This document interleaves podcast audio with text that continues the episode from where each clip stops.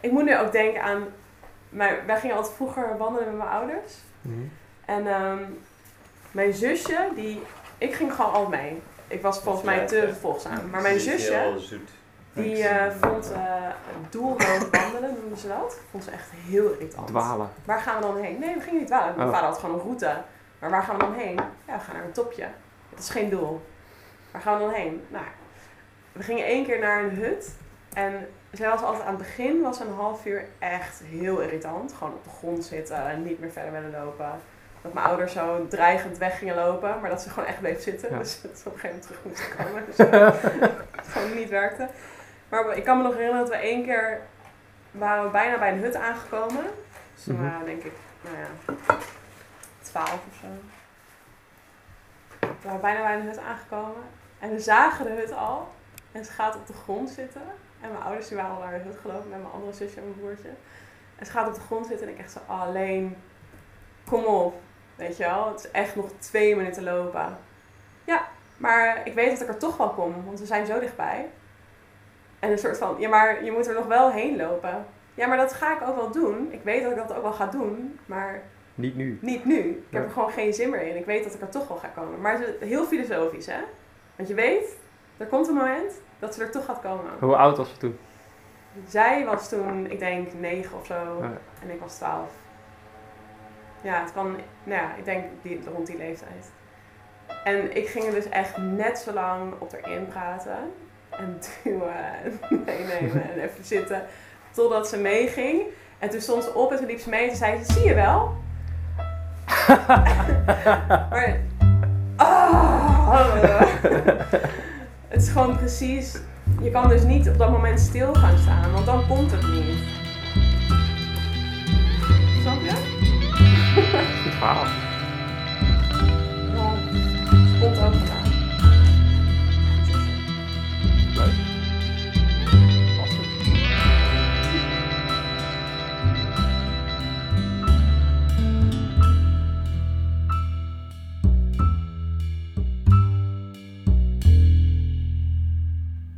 Degene die je zojuist hoorde praten is Toos. Toos is een vriendin van Wilbert en zo ken ik haar weer. Ze is illustrator, maar vandaag is ze op Oosterhouw om een midzomernachtfeest te organiseren. Het is namelijk 24 juni, drie dagen na de zonnewende, midzomer. Het verhaal dat Toos vertelde over haar zus die met de berghut in zicht op de grond ging zitten, is een verhaal over anticipatie, zegt ze. Het gaat over het moment vlak voordat je je doel bereikt. Het midzomernachtfeest is oorspronkelijk bedoeld om stil te staan bij die anticipatie, zegt Toos. Het graan staat op de velden, maar het wordt nog niet geoogst. Ze vergelijkt het met het moment in een achtbaan dat je wordt opgetakeld. De spanning bouwt zich op, maar je gaat nog niet. De mensen die zijn uitgenodigd voor het midzomernachtfeest kennen elkaar over het algemeen niet. Het is niet één vriendengroep.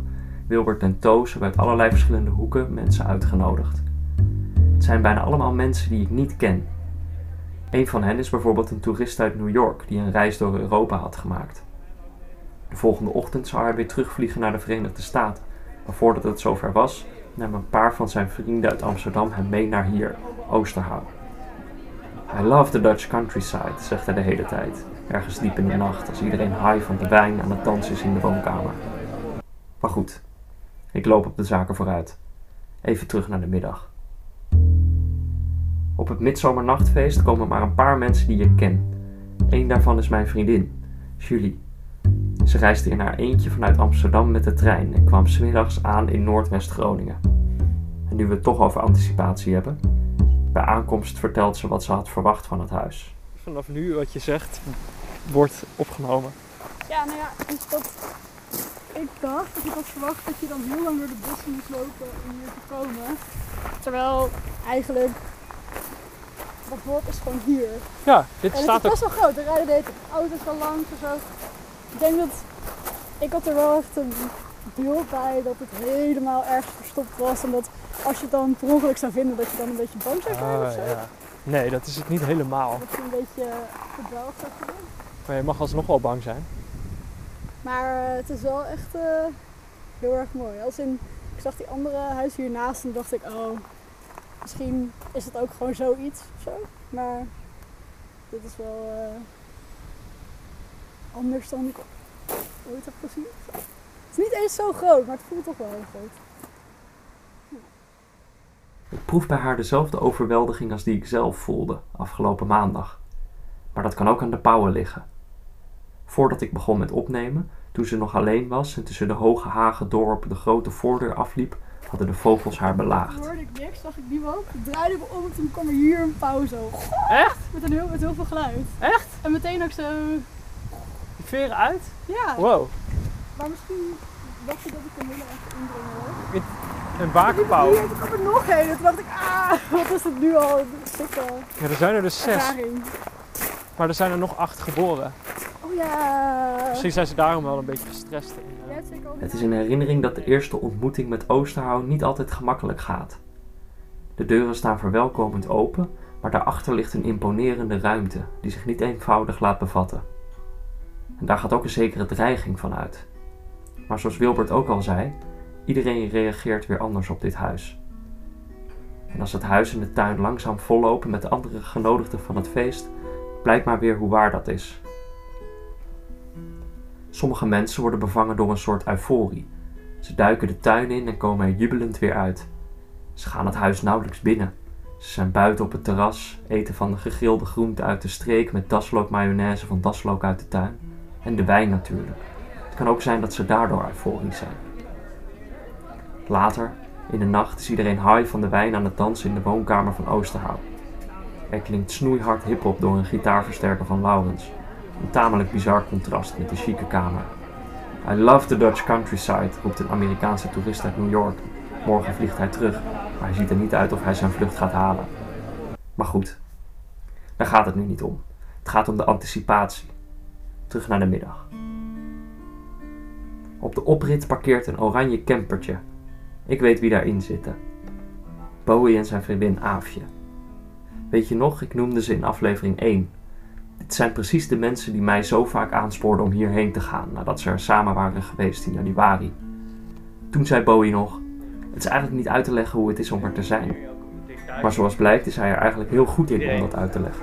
heeft al die verhalen van Oosterhout met hoe het eruit Het zijn allemaal flarden Het eigenlijk. zijn, maar het zijn allemaal ook wel een soort van de stereotypen van Oosterhout, om het zo maar te zeggen. Ja, Dat je van, oh ja, er is een geheime bibliotheek. En Ja. eh, oh ja, er lopen pauwen rond. ja. En, eh, maar dat is, ja, dan krijg je natuurlijk als je hier komt en je wil er iets mee, dan ga je veel, neem je alles veel meer op. ja. Terwijl dat ook heel moeilijk is omdat het zo enorm, omdat het zo enorm bombastisch is. Het was echt toen ik hier binnenkwam en ik Ja. moest een heel nodig naar de wc. Ja, Maar toen liep ik dus alleen hier de gang in. Toen Ja. Ja, dan moet je daar links. Maar ik, ik kwam zo binnen en ik dacht echt al... Ik zat op de wc en toen dacht ik echt...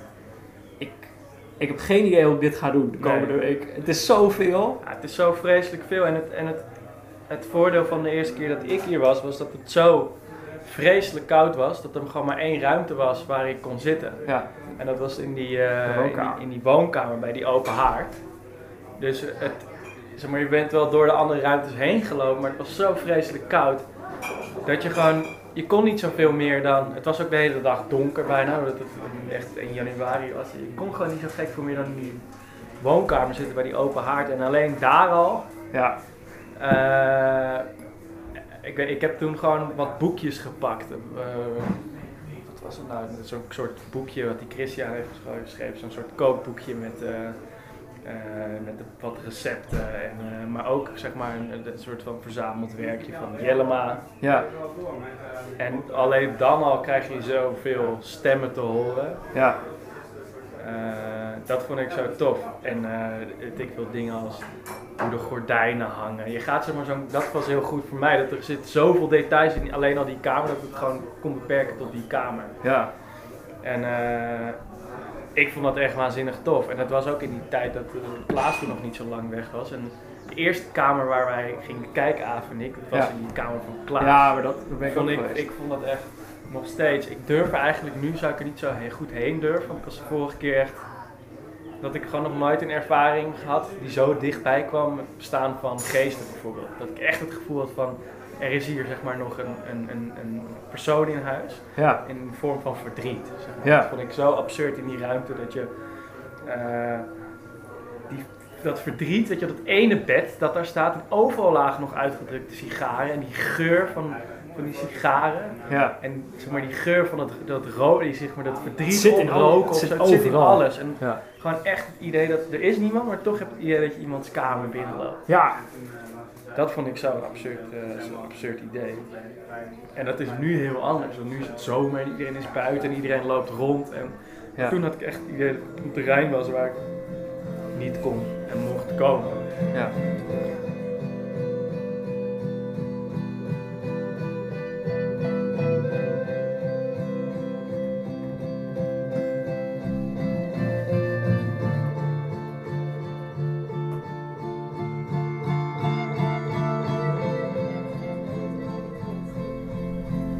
And it's an in-between stage that when you breathe in and you breathe out, you think that it's only breathing in and breathing out. But actually there's a point in between the breathing in and the breathing out where your lungs are full of air.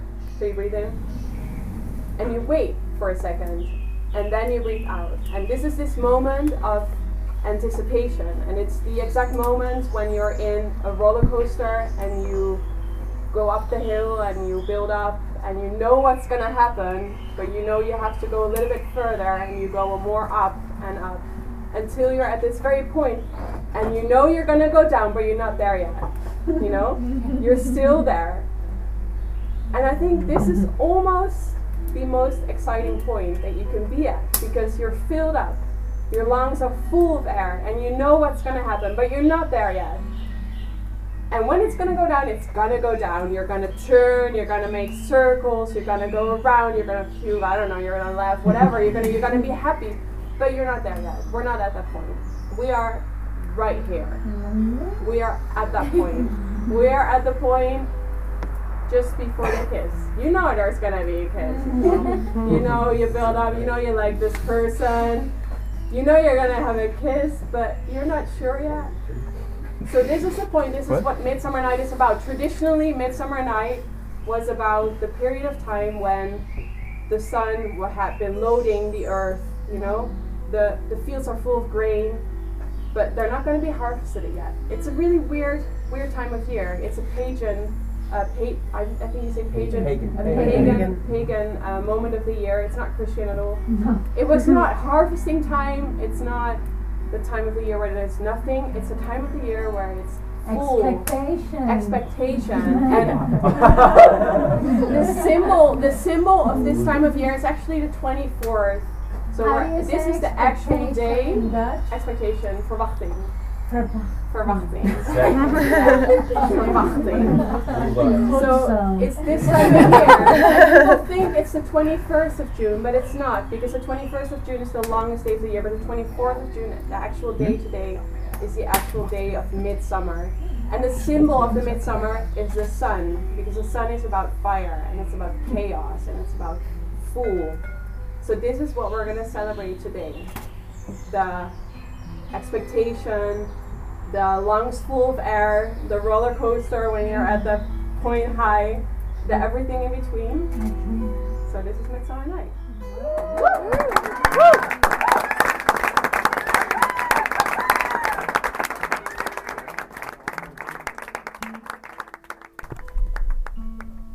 Hierna begint mijn herinnering van de avond al vlug gaten te vertonen.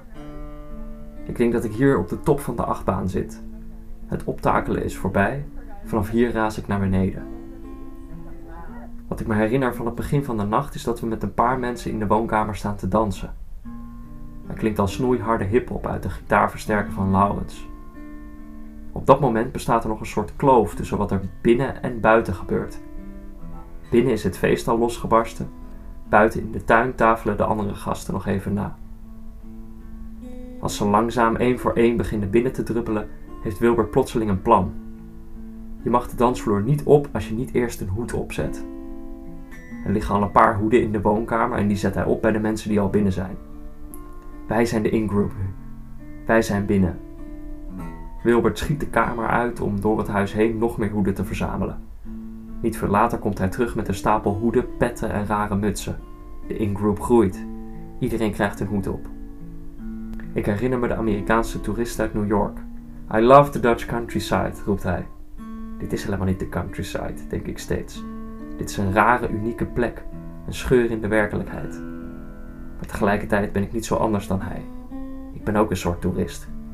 En ik heb nu dan wel een hoed op. En ik ben deze nacht nog wel de in-group. Maar morgen ga ik alweer naar huis. En dan ben ik gewoon weer iemand die hier is geweest. Niet iemand die hier is.